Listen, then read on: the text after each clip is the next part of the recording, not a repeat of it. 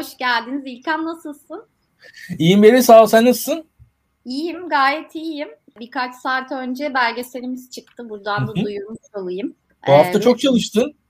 Gazetecilerle ilgili bir Hı-hı. belgesel yaptık. İstanbul'a gelen, Rusya'dan kaçan gazetecilerle ilgili. Fine Stüdyo'nun YouTube kanalında bulabilirsiniz diyeyim. Peki. Hemen gündeme geçeyim. Tamam. Bu hafta en böyle çok konuşulan, en böyle sıcak konu Mansur Yavaş'la ilgili Ümit Özdağ'ın yaptığı Cumhurbaşkanlığı açıklamasıydı.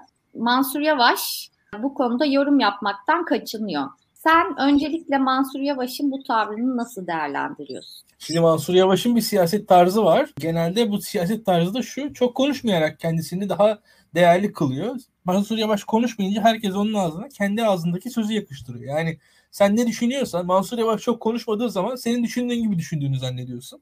Bu da Mansur Yavaş'ın popülaritesini arttırıyor. Onun tarzı bu. Türkiye'de uzun süre hatırlıyorum ben. Devlet Bahçeli hakkında böyle bir şey vardı. Çok konuşmaması üzerinden itibar kazanmıştı. Şu an öyle itibar kazanmış bir kişi daha var Türkiye'de. Mesela Hakan Fidan. Hakan Fidan mesela biraz birkaç açıklama yapsa, bir şeyler söylese falan Hakan Fidan'ın şu andaki itibarı düşer bence. Ama böyle konuşmayınca Türkiye'de itibarınız da artıyor. Böyle bir yer Türkiye. Belli bir tanınırlığınız, bir güç atfı da varsa üzerinizde konuşmazsanız artar. Mansur Yavaş da bunu kullanıyor. Doğrusu hani meydanlara çok hakim bir siyasetçi değil Mansur Yavaş. Miting performansları yüksek değildi. Genelde susarak kendisini daha iyi ifade ettim. İnsanlar onun yerine konuştular. Mansur Yavaş'ın daha önce bir mağduriyeti yaşanmıştı hatırlarsın. O mağduriyetin üzerine zaten Mansur Yavaş'ın yaşadığı mağduriyet konuşuldu. Mansur Yavaş orada bir özneden ziyade nesne olarak kampanya yaptı bence. Yani insanlar Mansur Yavaş'ın 2014 seçimlerinde yaşadığı mağduriyeti anlattılar. Mansur Yavaş anlatıldı. Mansur Yavaş bir şey anlatmadı insanlar. Böyle bir kampanya yapmıştı. Şimdi de onun devamı geliyor diye düşünüyorum. Ama bir noktada bunun sürdürülebileceğine çok inanmıyorum yaşanır gelmiyor yani. Bu, bu böyle devam edemez. Mansur Yavaş birkaç güne birkaç şey açıklamak zorunda kalır diye düşünüyorum. Böyle sessizce geçiştirilebilecek bir şey değil bu. Cumhurbaşkanlığı adaylığı ve şöyle bir durum var. Mansur Yavaş'ı seven insanlar bir yerden sonra Mansur Yavaş'ı zorlarlar diye düşünüyorum ki başta zaten bence Ümit Özdağ kendince bir tuzak kurdu. Yani Mansur Yavaş adına. Buradan sonra nasıl bir şey çıkış yapacak bilmiyorum. Ve şöyle bir durum var. Bu yapacağı çıkışın zamanlaması da çıkışın anlamını değiştirecektir. Şu an belli fırsatları bence kaçırıyor Mansur Yavaş kendi adına. Bakalım zaman gösterecek. Belki de doğru mecrayı bekliyordur. Çünkü bu tip açıklamalarda Hı. genelde en çok insana ulaşabilecekleri en doğru mecrayı doğru. belki de gönüllerine göre soruların sorulacağı mecrayı tercih edebiliyor. Ben biraz da ona bağladım. Bilmiyorum onun beklentisi içinde de hazırlığı içinde de olabilir diye düşündüm. Peki Ümit Özdağ'ın Zafer Partisi'nin hani halk nezdinde yüzdesi bu kadar düşükken bu kadar bir tartışma yaratabilmesine bu gücü neye bağlıyorsun? Bununla ilgili ne söylemek istersin? Şöyle söyleyeyim altılı masanın zaaflarından bir tanesi bu başta. Çünkü altılı masa öyle ya da böyle siyasetin zirvesi. Siyasetin zirvesinde yapılan her türlü alışveriş bir şekilde kendi tabanıyla uyumlu olmadığı zaman da kırılganlaşıyor ister istemez. Şimdi ya bu da altılı masanın kırılganlıklarını gösteren bir şey aslında. Bu açıklamanın bu kadar yüksek derecede bir karşılık bulması. Yani sen atıyorum ben mesela Cumhurbaşkanı adayım Beril Eski desem ne kadar yankı bulur? Bul, yankı bulmaz yani. Ama şimdi bir şekilde birazcık bir itibar olan birisi Cumhurbaşkanı adayım şu dediği anda bir itibar buluyor. Yani neden buluyor? Çünkü gerçekten de altılı masa çünkü dışarı kapalı bir şekilde o eleme noktasında bir açıklığı yok ve şimdi biz hani herkes eleştirdi ama beğenelim beğenmeyelim Macaristan'daki muhalefet ön seçim yaptı. Yani öyle ya da böyle. Bence yanlış bir metot ama bir metot. Ya şimdikinden daha da farklı en azından daha katılımcı bir metot. Buradaki bu tartışmaların dışında en azından bir tartışıldığı alan ya atıyorum hadi diyelim demokratik olarak seçmeyeceğiz. Nispeten daha liderler arasında seçilecek adayımız. Tamam okey muhalefetin adayı. Ama nasıl seçilecek? Neye göre seçilecek? Kriterler neler? Anketlere mi bakılacak? Anketlere bakılmayacak tamam. Anketlere bakılmayacaksa neden bakılmayacak? Ya da şimdi amaçlar neler? Atıyorum amaçlar anayasa değişikliği amaç olarak kondu ortaya Beril. Şimdi anayasa değişikliği amaçsa çok daha maksimalist bir oy oranına ihtiyacımız var anayasa değişikliği. Çünkü amaç Cumhurbaşkanlığı ise %50 artı 1 yeterli. Amaç anayasa değişikliği ise %55 falan gerekiyor en azından. Çünkü meclisteki 360'ı bulmamız için muhalefet açısından orada daha yüksek oy oranı gerekiyor. Amaç anayasa ise zaten daha da maksimalist bir noktadan bakılması gereken bir şey var. O da gerçekçi değil bana. Yani şöyle söyleyeyim. Yöntemle yani yöntemle metotla amaç arasında bir çelişki var muhalefetin oradaki altılı masanın ortasında. Yani çünkü amacımız diyorlar anayasa değişikliği. Tamam çok güzel anayasa değişikliği doğru. Yani ilkeli bir hareket hakikaten onlar açısından. Ben öyle çok bu anayasa değişikliği taraftarı da değilim ilk başlarda açık konuşayım ama Türkiye'deki muhalefetin geneli böyle düşünüyor. Anayasa değişikliği diyor. Tamam anayasa değişikliği parlamenter sisteme geçilsin. İyi de bunun için 360 vekil gerekiyor. Hani bir de mecliste HDP diye parti olacak. HDP ile nasıl temas kuracağınız dahi tam belli değil. Onun üzerine 360 vekili isteyen bir hareketle yola çıkıyorsunuz. Bunu nasıl gerçekleştireceğiniz belli değil. Burada şöyle bir durum var. Yani muhalefetin kazanacağını göstermesi gerekiyordu. Yani kazanacağını tam anlamıyla gösteremedikçe daha kırılgan olacaktır bu şey. Altılı masa düzeni. Ha burada şu var. Ümit Özdağ kendince bir siyaset yaptı burada. Yani onu da bana muhtemelen sorarsın. Yani Ümit Özdağ'ın pozisyon nedir ne değildir o da ayrı mesele. Yani buradan şöyle söyleyeyim yani buradan bir defa Mansur Yavaş açısından benim gördüğüm kadarıyla yani bir defa Ümit Özdağ Cumhuriyet Halk Partisi ile İyi Parti ittifakına karşı çıkmış bir insandı. Arkasından İyi Parti'den İyi Parti'yi FETÖ'cülükle suçlayarak ayrılmış bir insandı. Şimdi Mansur Yavaş'ın Cumhuriyet Halk Partisi'ne İyi Parti oylarıyla belediye başkanı olduktan sonra böyle bir insan tarafından aday gösterilmesi zaten imkanı olacak bir şey değil bir defa. Yani zaten o yüzden Mansur Yavaş'ı çok şey bir noktada bıraktı. Mansur Yavaş şu anda Ümit Özdağ'ın yanında tavır sergileyemez. Çünkü arkasında iki parti var. İki partinin de karşısında bir insan Ümit Özdağ bir defa. Yani Ümit Özdağ öyle bir noktada Mansur Yavaş duramaz. Yani Ümit Özdağ'a yakın bir nokta duramaz imkanı yok. Çünkü Ümit Özdağ'ın söylediği laflar belli. O iki siyasi partinin liderliğine. Peki Şimdi, neden uzakta duramıyor bu noktada? Çok güzel. Şimdi o, o da zaten ciddi siyasi tavır almaya gerektirir. Mansur Yavaş şu an ciddi siyasi tavır almak istemiyor. Mansur Yavaş zımni desteklerden memnun. Yani şu anda Mansur Yavaş'a atfedilen mesela atıyorum mülteci meselesindeki tavır, Mansur Yavaş'a atfedilen belli konulardaki tavırlar üzerinden Mansur Yavaş belli bir itibar, belli bir sempati topluyor. Anketlerdeki yerinden Mansur Yavaş memnun. Cumhurbaşkanlığına işte Tayyip Erdoğan'la birebir karşılaştığı zaman %58 oy aldığına dair bir anket okumaktan Mansur Yavaş memnun. Yani Mansur Yavaş denk gelsin bana insanlar gelsinler Cumhurbaşkanı adayı olmamı istesinler diyor. Tabii bu zaten ayrıca tartışılması gereken de bir şey. Şunu da söyleyeyim yani. Cumhurbaşkanı adayı hani adayım diye birisi ortaya mı çıkmalı? Yoksa birileri tarafından aday mı gösterim? Yani biz adayım diye ortaya çıkmaktan neden bu kadar tiksiniyoruz? Neden bu kadar adayım diyenleri aşağılıyoruz? Onu da sevmiyorum yani. Açıkçası biraz fazla oryantal bir kültür Türkiye'deki. Ya bazıları da ya adayım diye ortaya çıkabilmeliler. Belki de biri adayım diye ortaya çıksın ve diyelim ittifaklar onları desteklesin. Neden olmasın böyle? Çünkü yani her şey muhalefetin birleşmesi üzerinden görülüyor. Yani bu çok uzun yıllardır böyle görülen bir şey. Yani bu, bu siyasette siyah muhalefet birleşmedikçe bir yere varılmayacak üzerinden ilerleniyor. O yüzden hani muhalefetin uzlaştığı bir isim dışında bir ismin çıkıp ben adayım demesi insanlara hani muhalefeti bölmek olarak Tabii. yansıyor. Öyle. Bak şimdi şöyle bir şey var. Hani adayım dedikten sonra da destek verebilirsiniz. Adaylıktan çekilebilirsiniz. Karşımda şu var. Yani bir tarafta şöyle söyleyeyim. Biz özellikle hatta daha ziyade söyleyeyim entelijansiya, muhalif entelektüel kesim, daha ziyade hatta belki liberal sol entelijansiya biraz, biraz o taraflarda. Hatta bunun muhafazakar kodları da var bunun içerisinde. Önemli olan aday değil, önemli olan aday değil, önemli olan aday değil. Sürekli adayın ne kadar önemsiz, ne kadar manasız bir insan olduğunu söyleyip duruyoruz. Ya aday önemli. Yani aday önemsiz bir insan değil, aday gayet önemli bir insan. Türkiye'nin en önemli insanı muhtemelen. Yani belki de 21. yüzyılda Türkiye'deki en önemli insan şu anda gelecek muhalefet adayı biz bu adayın ne kadar önemsiz, ne kadar manasız bir adam olduğunu söyleyip duruyoruz muhalif entelektüeller olarak. Anlamıyorum ben bunu. Hani ya Türkiye'de bir tane insan söyleyeyim 21. yüzyıldaki Türkiye'deki en önemli insan muhtemelen şu anki muhalif aday. Biz bu adayın ne kadar önemsiz, manasız olduğunu anlatıp durduk. Ve ne neymiş önemli olan? Anayasa değişikliği taslağı önemli. İşte planlar önemli, projeler önemli, işte orada listeler önemli. Ya kendimizi kandırmayalım açıkçası aday önemli. Yani aday gayet önemli. O adaya ihtiyacımız var. O aday birçok şeyi belirleyecektir. Yani burada şu an zaten bu çelişkiler, bu anlattığım çelişkiler şu anda bu Ümit Özdağ bu alanı sağlıyor. Alanı açıyor. Ümit Özdağ da o alan içerisinde kendince hareket ediyor. Ümit Özdağ tabii gerçekçi mi? Yani şöyle söyleyelim. Şimdi muhalefetin iki tane çelişkisi var. İki çelişkisi var. İki çelişkisinde bir çelişkisi özellikle eski AKP'lilerin muhalefete yaklaşması muhalefetin bir çelişkisi içerisinde. Yani muhalefetin bir grubu onlardan rahatsızlar. İşte atıyorum Ali Babacan yanımızda, Ahmet Davutoğlu yanımızda, şu bu falan. Bunlar neden buradalar? Ne, ne katkıları var diye rahatsız olan insanlar var. Bu, bu insanlar bizim mesela bizim yayınımızı izleyenlerin yarısı böyledir. Bir diğer kısmı bir de şöyle bir durum var muhalefette. Kürt oyları var. HDP'nin oyları var. Şimdi %10-12 Kürt oyu var. Bu oyların da alınması gerekiyor. Bu oylar alınmadan da öyle kolay kolay seçimi kazanamıyorsunuz. Yani bu kadar iki çelişkinin de beraber düşünülmesi lazım aslında. İki çelişkiyi birden insanlar düşünmüyorlar. Şimdi mesela Mansur Yavaş ismen güzel ama şimdi Mansur Yavaş'ın adaylık süreci özellikle bu Kürt oyları açısından değerlendirildiği anda hele hele Ümit Özdağ tarafından aday gösterilmiş Mansur Yavaş Kürtlerden oy alma şansını da Ümit Özdağ sayesinde kaybediyor şu anda. Yani. Ümit Özdağ şu anda Mansur Yavaş'a zarar veriyor bence. Yani benim gözümde Ümit Özdağ aday olarak diyelim Mansur Yavaş aday olacak. Ona aday gösterin Ümit Özdağ olmasa onun dezavantajı olur. Yani Mansur Yavaş aday göster illa aday gösterilecekse diyelim Mansur Yavaş'ı Kemal Kılıçdaroğlu'nun aday göstermesi.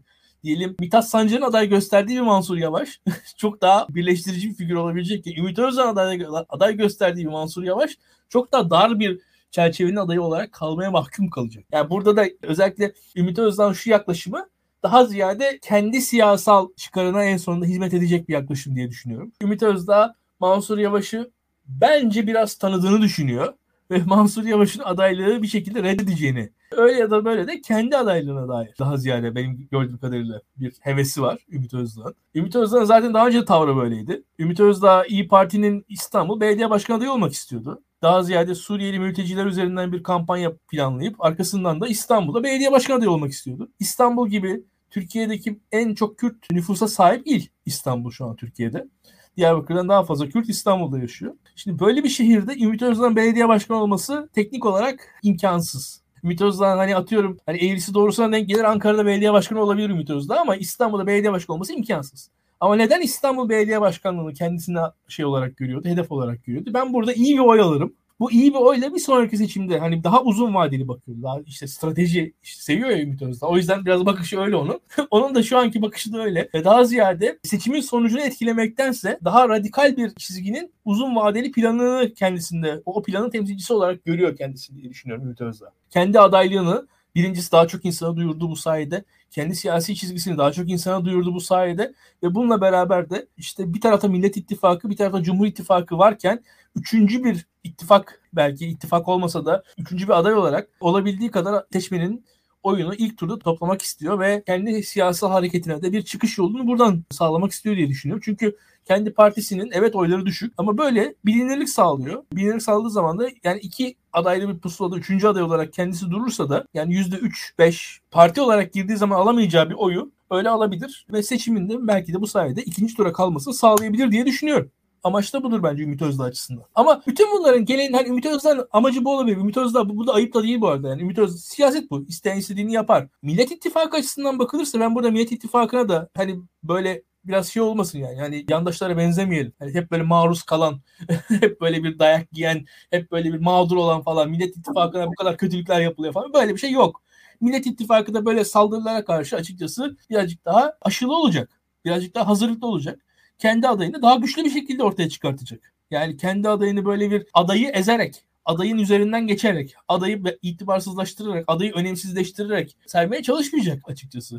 Millet İttifakı da bir şekilde kendi seçmenleriyle daha fazla temas kuracak. Ve ne yapacaksa açık açık konuşsun. Ve şu anda bakın şöyle söyleyelim. İstanbul'da bu ülkedeki milliyetçilerle bu ülkedeki Kürtler aynı adaya oy verdiler. Ve bundan gocunmadılar. İstanbul'daki kimse... Gocunmadılar doğru mu bilmiyorum.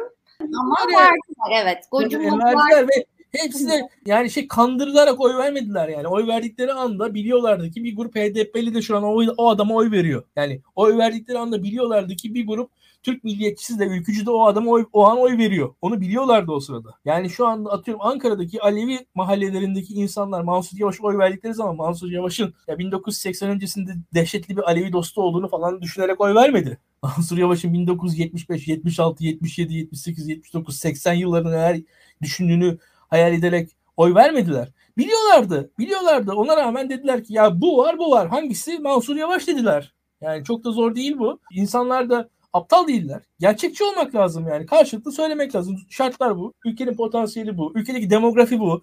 Ülkenin gerçeği bu. Bunun üzerinden girmek lazım diye düşünüyorum. Bunun haricinde de şunu da ekleyeyim bu arada. Bu henüz daha başlangıç. Asıl hikaye, asıl hikaye başka bir yerde patlayacak. Ümit Özdağ nerede bence, nerede patlayacak? Bence daha yani Ümit Özdağ bence acemi bir siyasetçi açıkçası. Ümit Özdağ e, hevesli, kendini üste gören bir siyasetçi ama yaptığı hareket de çok etkili olmayacak bir siyasetçi bence. daha etkili olacak bir siyasetçi var şu an muhalefetin kenarında duran. Muharrem İnce. Eski Cumhurbaşkanı adayı %30 oy almış bir adam var Muharrem İnce. Ve öyle ya da böyle Cumhuriyet Halk Partisi içerisinde hala kendisine yakın isimler var. Tanju Özkan gibi. Yani Bolu Belediye Başkanı gibi işte atıyorum Kırklareli Belediye Başkanı gibi bunlar Muharrem İnce'ye yakın isimlerdi. Yarın bir gün Muharrem İnce'nin yapacağı bir hareket ve Muharrem İnce'nin yani eğer adayınız buysa bu aday seçilemez. Bu aday seçilemezse ben adayım diye bir çıkış yapabilir. Bunu ben her yerden duyuyorum şu anda. Yani Cumhuriyet Halk Partisi içerisinde, dışarısında. Yani aday kim çıkacaksa ben ona göre tavır alacağım diye söylüyor. Bu şöyle bir durum var. Bir satranç oyunu ister istemez kurgulanmış durumda. Belki biraz oyun teorisi falan bilenler farklı yorumlayabilirler. Yani burada hani aday kim olacaksa, kimi açıklanacaksa karşı taraftan bir reaksiyon gelecek. O reaksiyona göre karşılık alınacak. Hatırlayalım. Bu işte Ergenekon mağduru albay, pardon Teğmen, Çelebi istifa ederken ona yakın isimler de şey demişlerdi. Yani parti içerisinde biz İmamoğlu'nu eleştiremiyoruz artık. Yani o memleket partisinde İmamoğlu eleştirmeleri durdu farkındaysan. O tarafı da var o işlerin. Yani orada da belli bir denklem de, bir denklem bir denge var. Belki İmamoğlu aday yapılmazsa da Muharrem İnce'den bir hareket gelebilir. Bir denge de ben orada da seziyorum. Onu da söyleyeyim. O daha etkili olacak bir konu diye öngörüyorum şu aşamada. Bir de tabii şöyle bir şey var. Bugün seninle biraz aslında kendi aramızda konuşmuştuk. Bu Türkiye'de yani neredeyse 20 yıl. Şunu da söyleyeyim. Yani bu Tabii. konuda herkes de şu hani HDP şu an az konuşuyor. HDP'nin %12 oyu var. Yani bunu muhalefet cenahı unutmamalı asla. Yani HDP'nin %12 oyu var. Bu %12 oyla HDP her şeyi isteyebilir mi? Hayır isteyemez. Ama hani HDP'ye de her şey dayatılamaz. Yani onu da görmek lazım. Yani HDP de tabii ki muhalefetin yanında öyle ya da böyle yer alır. Ama HDP'ye de her şey dayatılabilir durumda değildir. Yani orada da belli bir bir, bir baz vardır yani. Orada da anlatabiliyor Orada hani bir, nok bir noktada hani e, şu var. Türkiye'deki yani Kemalist seçmenlere siz adayımız Abdullah Gül zor dersiniz. Hani HDP'liler de bazı adayları zor dersiniz. Onu söyleyeyim. Zor dersiniz ama sürekli de masaya getirilen bir isim bir yandan da. Doğru. Hep böyle Kemalistlere onu, ona Abdullah Gül'e oy vermeli. Hatta Kemalistlerle zaman içinde bu ismi o kadar çok duydular ki aslında bir anlamda daha sıcak bakmaya başladılar bence. Yani görmedim sıcak bakan. Bilmiyorum. Bana benim tanıdığım sanki... Kemalistler daha sert. Bilmiyorum ben. Benim tanıdığım Kemalistler daha sert insanlar. Şöyle Abdullah Gül'e bir sempati ben, ben, ben görmedim. Bilmiyorum. Ya bana hani sanki şey hani muhalefeti bir araya getirebilir, AK Parti'den oy alabilir gibi daha böyle mantıksal çerçeveye oturttukları bilmiyorum ben bunu gözlemledim yani. Sıcak bakmıyoruz diye de yorum gelmiş. Tamam. İzleyiciler sıcak bakmıyor. 3-5 kişi etrafındaki sıcak bakıyorsun. Şimdi şey söyleyeceğim. Seninle bugün biraz bu konuda konuştuk. Türkiye aslında bir anlamda bu canlılığı, dinamikliği biraz da Türkiye'nin öngörülemezliğinden geliyor. Yani Türkiye'de seçim sonuçları da hiçbir zaman insanların tahayyülündeki gibi gerçekleşmiyor. Bir şeyler seçimleri çok etkileyecek sanıyor, insanlar etkilemiyor. Etkilemeyecek sanıyorlar, etkiliyor farklı şeylere seçmen tepki gösterebiliyor. Farklı şeyleri umursuyor, umursamıyor. Ama şöyle de bir gerçek var. Yani 20 yıldır iktidarda olan, neredeyse 20 yıldır iktidarda olan bir parti var. Ve bunun yarattığı bir sosyoloji var. Hani biz bunu anketler üzerinden okumaya çalışıyoruz bu sosyolojiyi. Sosyolojiyi gerçekten okuyabildiğimizi düşünmüyorum. Hala belli bir hani sesi daha fazla çıkan, her şeye rağmen sesi daha fazla çıkan bir kesim var ve o kesimin AK Parti seçmeninin dönüşümünü, sosyolojisini iyi okuduğunu düşünmüyorum. Diyelim seçim seçimde AK Parti iktidarı kaybetti, muhalefet geldi. O zaman ne olacak? Yani o sosyolojiyle yeni bir hükümet nasıl uyuşacak? Bu hükümeti nasıl değiştirecek? Sen bunun üstüne hiç düşünüyor musun? Hani bugün biraz e, bu konunun üstüne değinmiştik ya. Biraz merak ediyorum. Bu sosyoloji üzerine düşünüyor musun? Bu sosyoloji mesela neyi arzu eder? Ben mesela düşünüyorum. Hani gelecek deva hani oy oranları düşük görülüyor, yüzdelere düşük görülüyor. Ama mesela sandığa gittiği zaman bir seçmen, eskiden AK Parti'ye oy vermiş bir seçmen, hani artık AK Parti'ye oy vermek istemiyorsa AK Parti'nin zengin günlerini anımsatan bir siyasetçiye neden oy vermesi? Mesela ben bun, bunların üzerine de düşünüyorum. Hani CHP'ye eli gitmiyorsa neden ona oy vermesin gibi. Sen biraz o sosyoloji üzerine ne demek istersin merak ediyorum. Yani ben o sosyoloji üzerine birkaç kelime söylemiştim eskiden. Hala fikirlerim var. Genelde şöyle söyleyeyim senden ayrışıyorum ama. Birincisi Adalet ve Kalkınma Partisi iktidarı öyle ya da böyle kaybederse dağılacağına hiç inanmıyorum. Adalet ve Kalkınma Partisi çizgisinin sertleşeceğine inanıyorum. Yumuşayacağına inanmıyorum. belki bölünebilir. Bölünen bir çizgi sertleşebilir o çizgi içerisinde. Bölünen diğer çizgi yumuşayabilir. Öyle şeyler olabilir. Ama Adalet ve Kalkınma Partisi'nin şu aşamada şöyle söyleyeyim ben. 25 yıllık tarihe bakıyorum. 28 Şubat'tan bugüne. Birincisi iktidara gelmek temel bir hedef. İktidar çok önemli yani. iktidarda kalmak. İktidar çok önemli. İkincisi iktidardan iktidara kal, iktidarda kalamaması kalamadığı için zaten Necmettin Erbakan devrildi orada. Necmettin Erbakan radikal olduğu için İslami yorumlarından dolayı atıyorum gelenekçi olduğu için falan devrilmedi. İktidar olamadığı için devrildi defa. Erbakan deviren şey oydu. Yani yenilikçilik, gelenekçilik falan hikaye yani. Orada şu anda düşündüğüm zaman ortaya koyduğum şey şu. Gelenekçilik derken şuydu hatta gelenekçilik itirazı bence şöyle bir itirazdı Erbakan'a sen Erbakan olarak, Necmettin Erbakan olarak belli konularda belli kalıpların var. Biz iktidara gel- gelmek istiyoruz. O kalıpları esneterek iktidara daha kolay gelebiliriz. İtirazıydı o. Yani o gelenek yani Avrupa Birliği mesela konusunda. Fazilet Partisi bile Avrupa Birliği taraftarı birkaç açıklama yapmak zorunda kaldı. Ve bu Erbakan'a rağmen yapıldı. O çünkü o hareketler şuydu. Bizim şimdiye kadarki anti batı çizgimiz bizi iktidardan uzaklaştırıyor. Biz anti batı çizgisinden saparak iktidara yaklaşırız. Kendi dediklerimizi, kendi fikirlerimizi daha rahat gerçekleştiririz. Bizim o geleneksel olarak bulunduğumuz pozisyonlar bizi iktidardan uzaklaştırdı. İktidardan, iktidardan bizim nemalamamızı zorlaştırdı diye düşünüyorlardı. Onun aksine Tayyip Erdoğan burada full pragmatik çizgiyi nispeten temsil ediyordu. Bu ama Tayyip Erdoğan'ın yumuşak değil bence sert olduğunu gösteriyor. Şu anda geriye dönüp baktığım zaman. Burada da zaten son 20 yılda biz gördük Erdoğan hemen hemen her şeyi savundu. Yani Türkiye'deki en milliyetçi pozisyonu da savundu. En internasyonist pozisyonu da savundu. Ben seçmenleri de bu geçen sürede daha radikalleştiler. Şu an Türkiye'de mesela Pakistan'da İmran Han hükümet krizi yaşanıyor şu anda ve şu an Türkiye'de Adalet ve Kalkınma Partisi o krizi çok radikal bir şekilde pozisyonlu olarak karşılıyorlar. Türkiye şu anda atıyorum Adalet ve Kalkınma Partilerin yani bir hani hayat memat meselesi olarak görmedikleri dünyada pek az olay var. Adalet ve Kalkınma Partisi'nin iktidarı olmasa şu an Türkiye'de mesela Beril bizim bu aşılanma falan yapılamazdı Türkiye'de yani. CHP iktidarına kaç kişi aşılayabilirdik ben korkuyorum açıkçası. Daha radikal, daha batı hatta daha fazla batı düşmanı, daha fazla şüpheci, daha fazla mevcut kurulu düzene muhalif bir grup ortaya çıkacağını düşünüyorum. Bana hiç de sonrası çok olumlu gelmiyor. Ha şöyle bir şey var. Zengin günleri diyorsun. Zenginlik mi arıyorlar, güç mü arıyorlar insanlar? Ona bakmak lazım bence. Ben evet yani oradaki AK Parti'nin güçlü günlerini yad etmek istiyor olabilirler.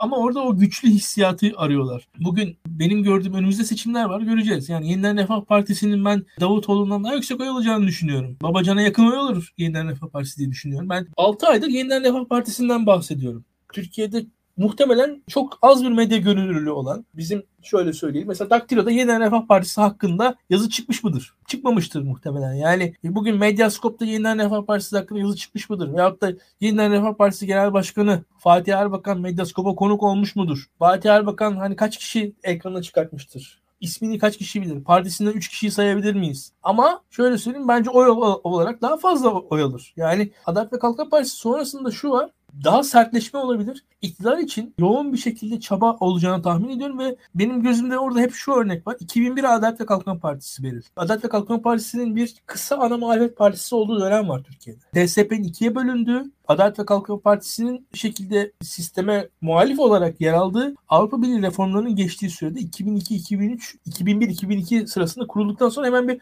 muhalefet partisi olarak yer aldılar ve orada özellikle idam meselesinde Milliyetçi Hareket Partisi'ni Tayyip Erdoğan çok zorladı.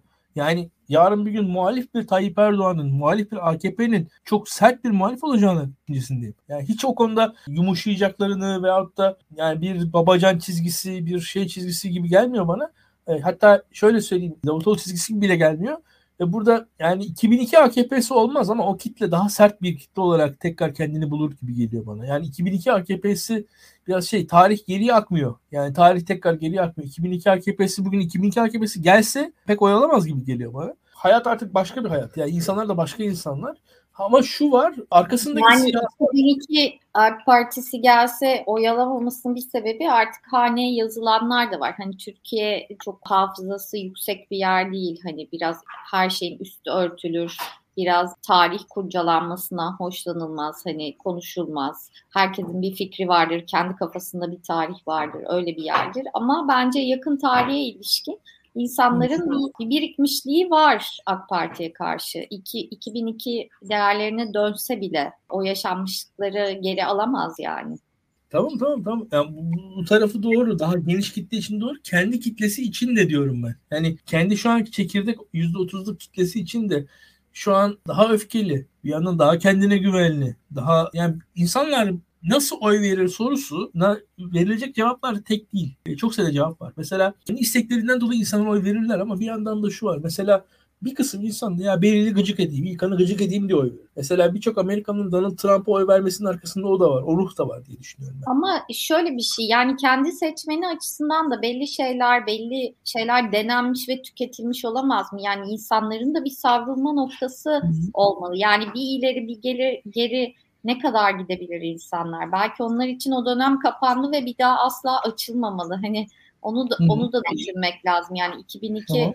AK Partisi AK Partisi'ne bir özlem duyan bir kesimi elbet vardır ama o mevzuyu kapatmış bir kesim de vardır bence artık başka bir noktaya getirmiş. Yani sonuçta sosyoloji dediğim o aslında seçmen de dönüştü ve bazı şeyler onlar için de hani geri dönülmez noktaya gelmiş olabilir. Zaten sorum da o yüzden hani başka bir iktidar altında bu hani gerçekten ciddi bir halk kitlesi nasıl hani uyum sağlayacak? Bunlar birbiriyle nasıl uyuşacak meselesi?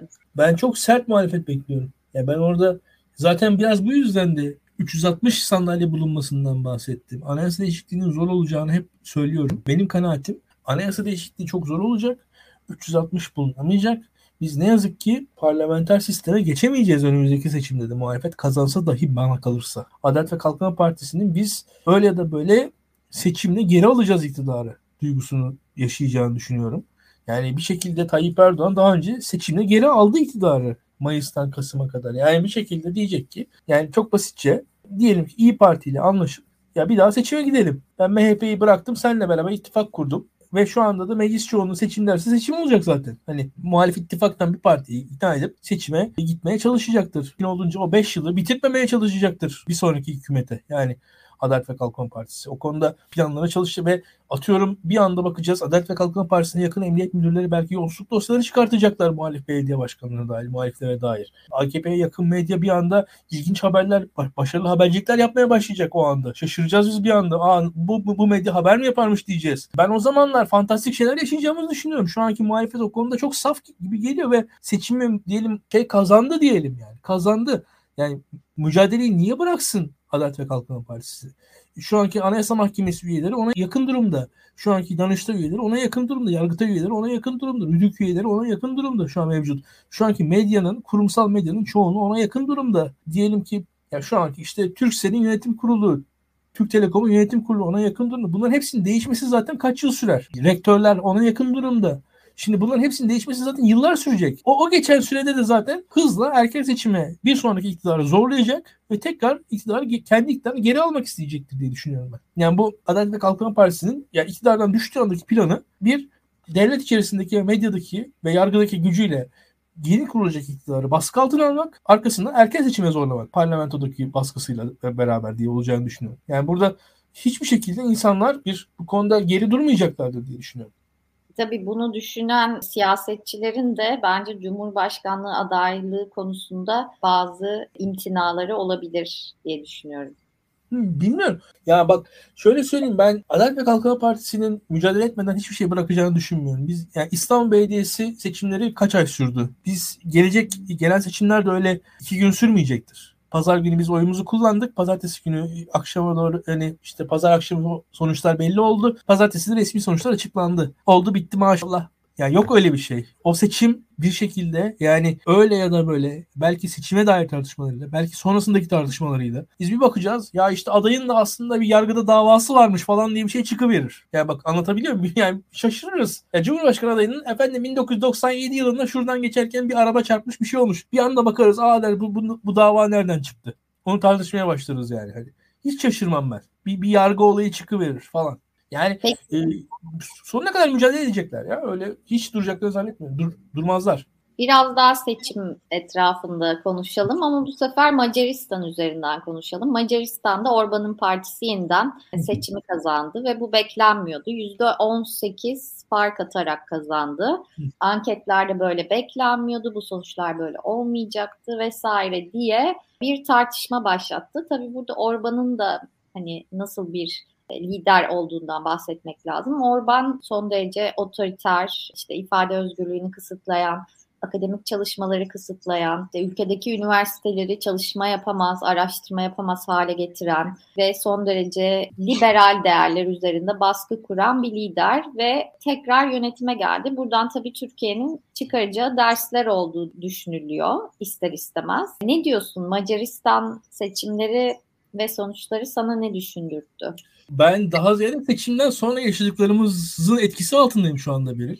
Ve hatta adım adım Fransız seçimlerinden korkuyorum. Fransız seçimlerinden korkuyorum ben şu anda. Yani Fransız seçimlerini muhtemelen Le Pen kazanırsa bunun sonunda suçlu olarak ben görülebilirim gibi geliyor. Yani seçim ben kaybettim falan diye algılanabilirim. Öyle bir hissiyat var şu anda ben. Yani Le Pen kazanırsa herhalde seçim muhtemelen ben kaybettim gibi hissedecek insanlar. E, bir defa böyle bir şey yok arkadaşlar. Seçimde oradaki insanlar giriyorlar, kazanıyorlar, kaybediyorlar. Yani Le Pen'in kazanması ister miyim? İstemem. Yani ben Le Pen'in kazanmasına karşıyım. Ama bu beni yani seçimi kaybeden bir insan haline getirmez Türkiye'de yaşıyorum yani. Ne yapayım? Yapabileceğim bir şey yok. Bana kızmanız da manasız olur. Veyahut da benim gibilere kızmanız da bir garip oluyor yani. Bu öyle bir durum biraz şizofren bir duygu iç, durumu içerisindeyiz Türkiye'de online komünite olarak söyleyeyim bir defa. Yani bu, bu sağlıklı değil. Ama tabii Fransa ile Türkiye farklı.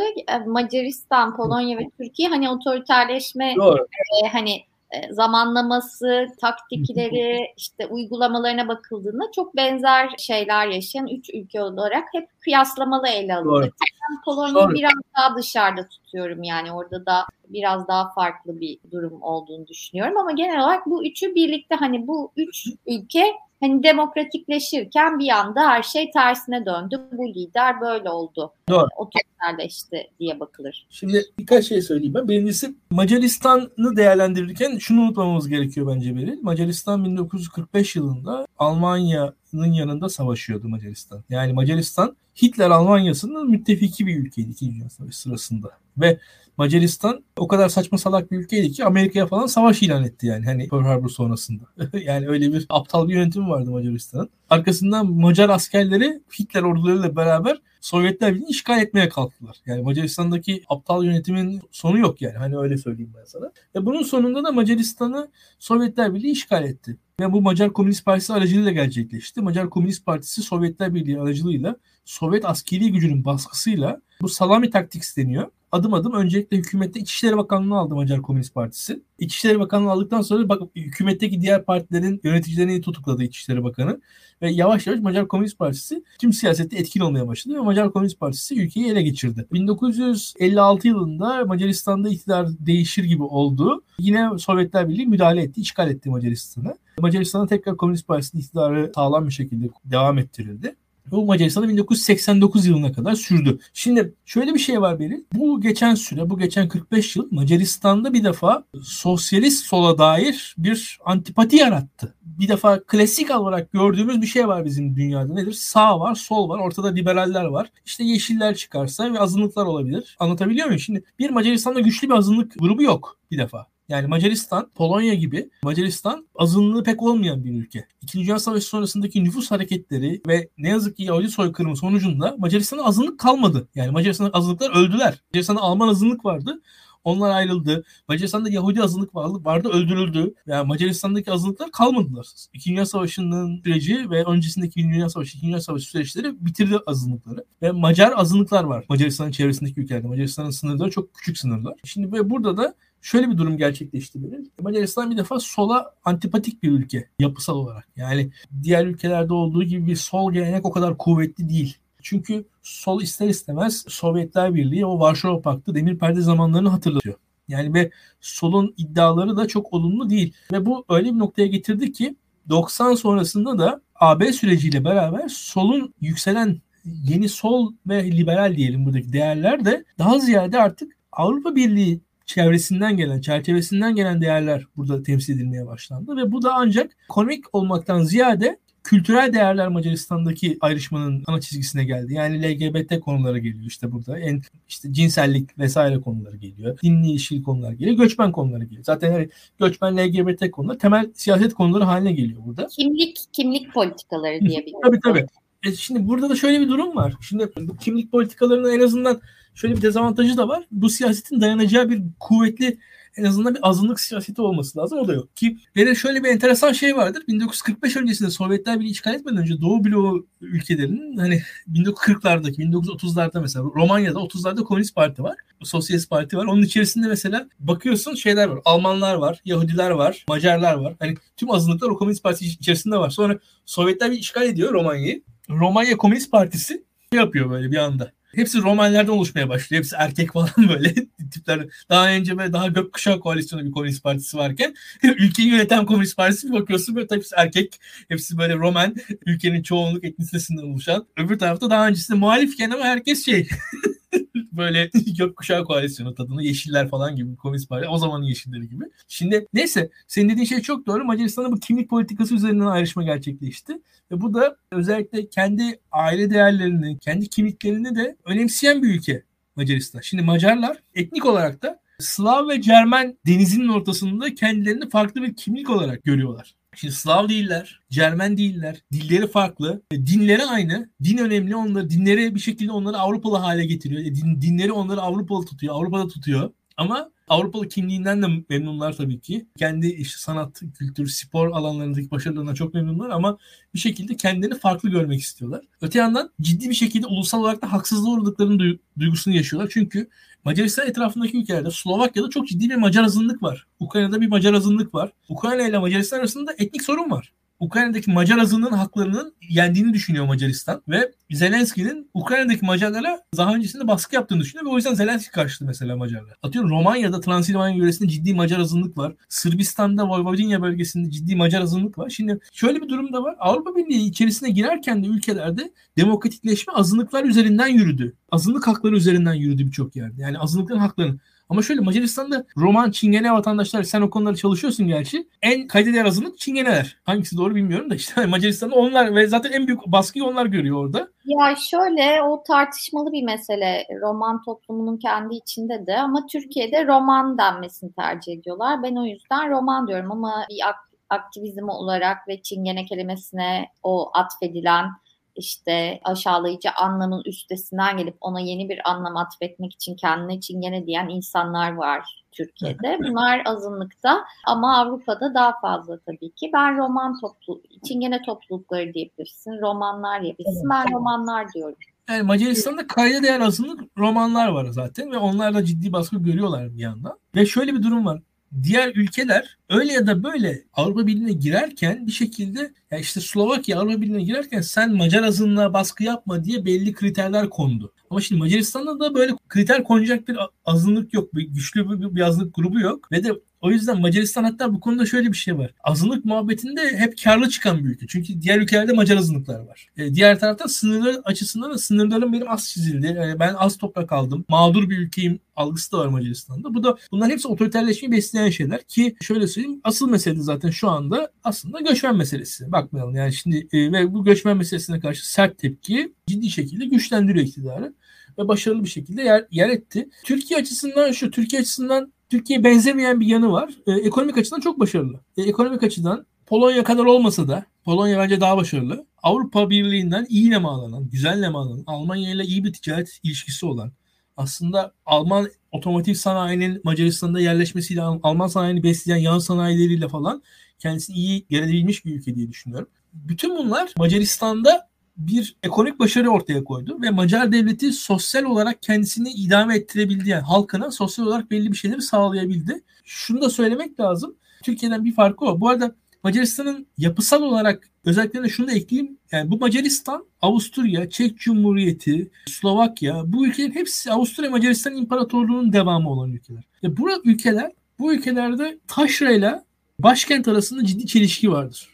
Bu ülkeler imparatorluk yıkıldıktan sonra o başkentleri, o başkentlerin görkemini o taşla taşıyamamaktadır. Bugün mesela Avusturya'da da var bence o çelişki. Macaristan'da da var. Taşrasıyla çünkü Taşrası o başkentin yani Budapeşte şehri Macaristan'ın daha büyük bir şehir. Yani Macaristan'ın taşıyacağının daha mesela evet, hani... tabii bir imparatorluk şehri İstanbul gibi gerçekten bir imparatorluk şehri. Ben de gitmiştim geçmişte. Ger- her şeyiyle mimarisi işte restoranları, kafeleri, insanları işte sunduğu hizmetlerle bir şeyi hissediyorsun. Bir imparatorluk şehrinde olduğunu hissediyorsun kesinlikle. Hı hı. O ülke o şehri taşıyamıyor. O şehir o ülkeye fazla geliyor bazen yani. O, o şey o farklılık o çelişki de zaten oy oranlarında ortaya çıkıyor. Muhalefet öyle ya da böyle büyük şehre Budapeşte birazcık şey sıkışmış durumda ve tüm taşla Orban'a oy veriyor. O taşraya karşı olan taşrayla merkez arasındaki o graç, o eziklik, o, o şey zaten orada çok rahat işliyor diye düşünüyorum.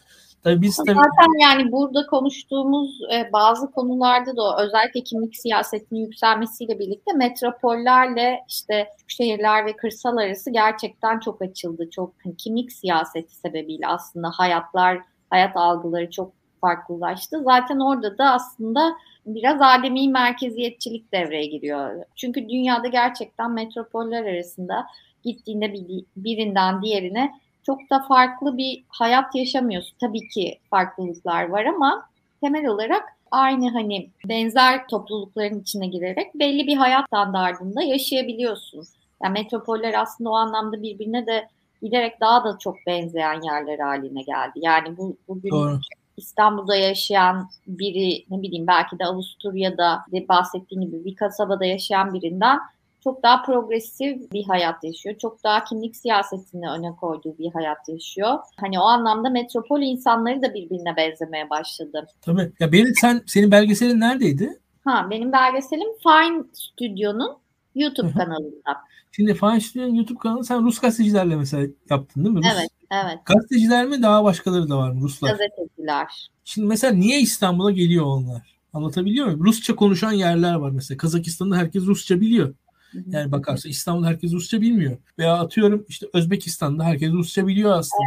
O konuda şey söyleyeceğim. Onu yani gazetecilerin gelişi çok oraya ya da buraya gideceğim gibi değil. Onlar kendilerini hmm. bir yere atmışlar. Yani o sırada onlara İstanbul denk gelmiş ve kendilerini burada bulmuşlar gibi. Arkadaşları vardı o yüzden geldi. Kalacak yeri vardı o yüzden geldi gibi. Yani gazetecilerin durumu e, diğer göç eden hani bu hmm. kreatif dediğimiz e, daha böyle orta sınıf, orta üst sınıf e, ve bu baskı rejimi altında yaşamak istemeyen kesimden biraz farklı. E, yani onlar özel olarak İstanbul'u seçip gelmiş değiller. E, benim fikri, fikrimce ve zaten biri de belgeselde söylüyor. İstanbul'da da güvende hissetmiyorlar. Çünkü Türkiye e, gazeteciler konusunda e, kötü şöhrete sahip e, dünyada. Ya. Dolayısıyla da, tabii bunun yanı sıra Erdoğan'ın Putin'le olan ilişkileri sebebiyle de e, güvende hissetmiyorlar haklı olarak ve burayı bir kalış noktası olarak gördüklerini düşünmüyorum. Ama tabii diğer kesimler için böyle değil. Hani Türkiye aslında Avrupa'ya nazaran hani hala Rusya'daki şirketlere çalışıp para kazanıp burada hayatlarını sürdürme imkanları var. Anlatabiliyor muyum? Hani onlar için durum biraz daha farklı. Dolayısıyla Türkiye'nin daha ucuz olması Avrupa'ya göre burada bir nispeten bir Rus diasporası olması, tanıdıkların olması metropol olması İstanbul'un. Bunlar önemli rol oynuyor. Ama gazeteciler için aynı şeyi söylemeyeceğim. Onlar biraz Can abiyle kaçmışlar. Aslında bunu sormayacaktım ama tabii Türkiye ve gazeteciler ve kötü şöhret deyince Kaşıkçı davasının Suudi Arabistan'a gönderilmesi kararını soracağım. Çünkü ben cevabını biliyorum ve cevabına katılmıyorum diye baştan söyleyeyim. Sözü sana bırakayım. Bir şey aklıma geldi. Bu, bunu ekleyerek başlayayım. Bir defa gazeteciler ve Rusya konusunda İstanbul bir de Çeçen muhaliflerin öldürülmesiyle ünlü bir şehir. Yani o açıdan da çok korkunç bir durum da var orada.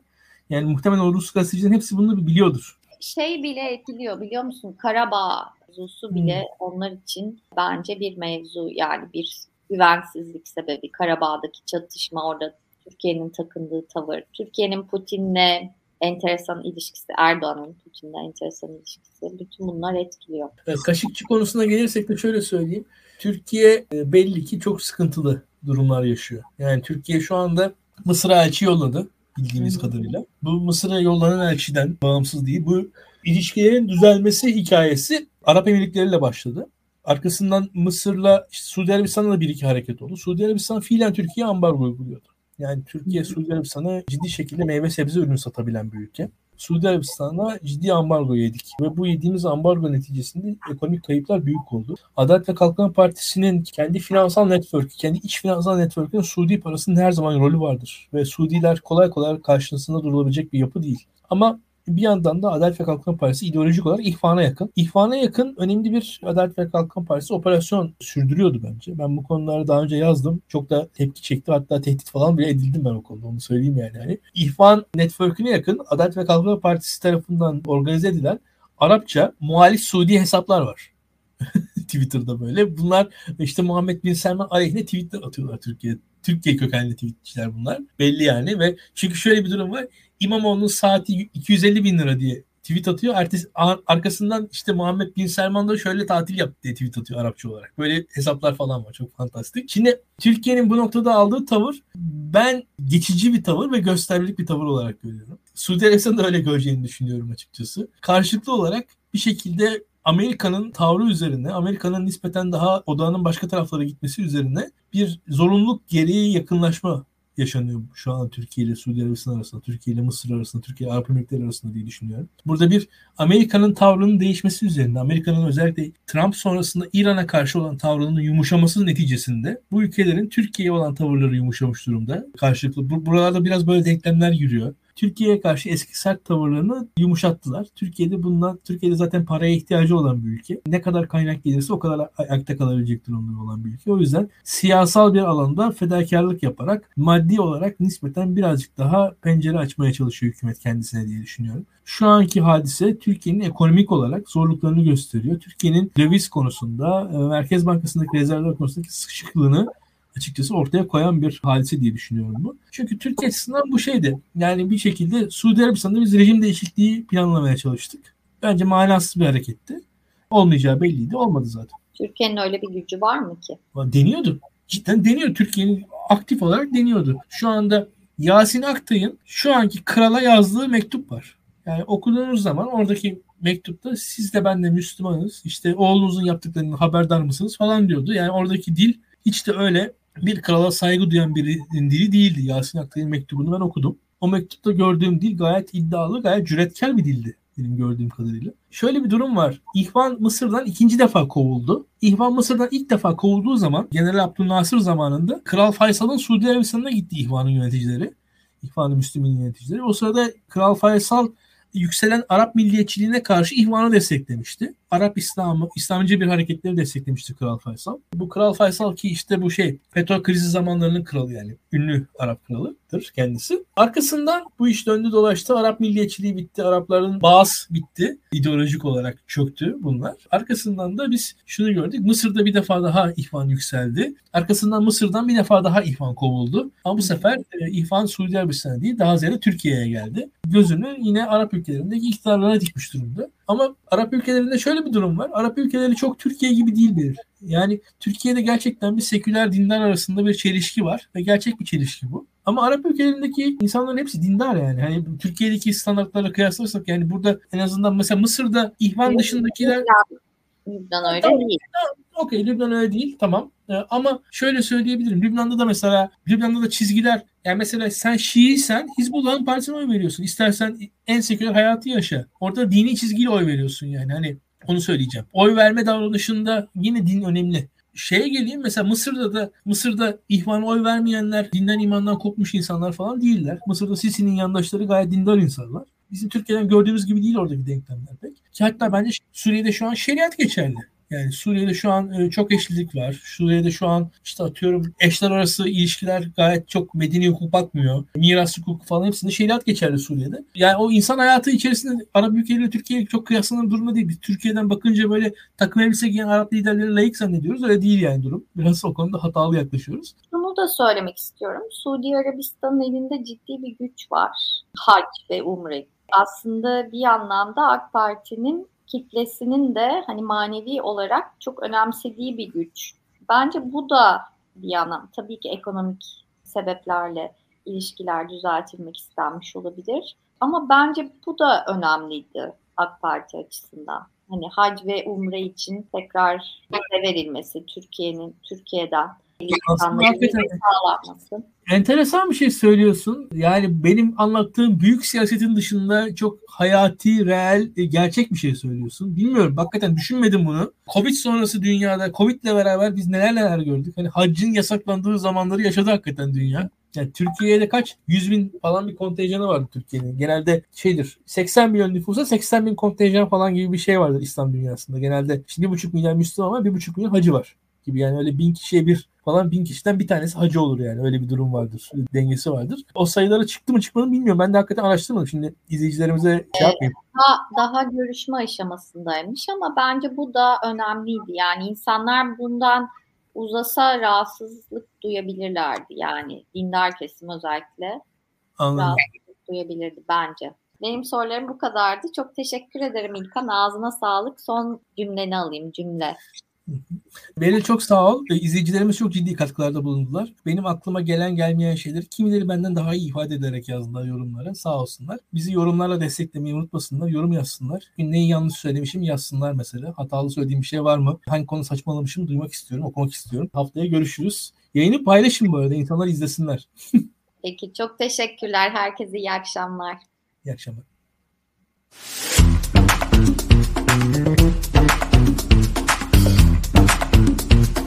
フフフフ。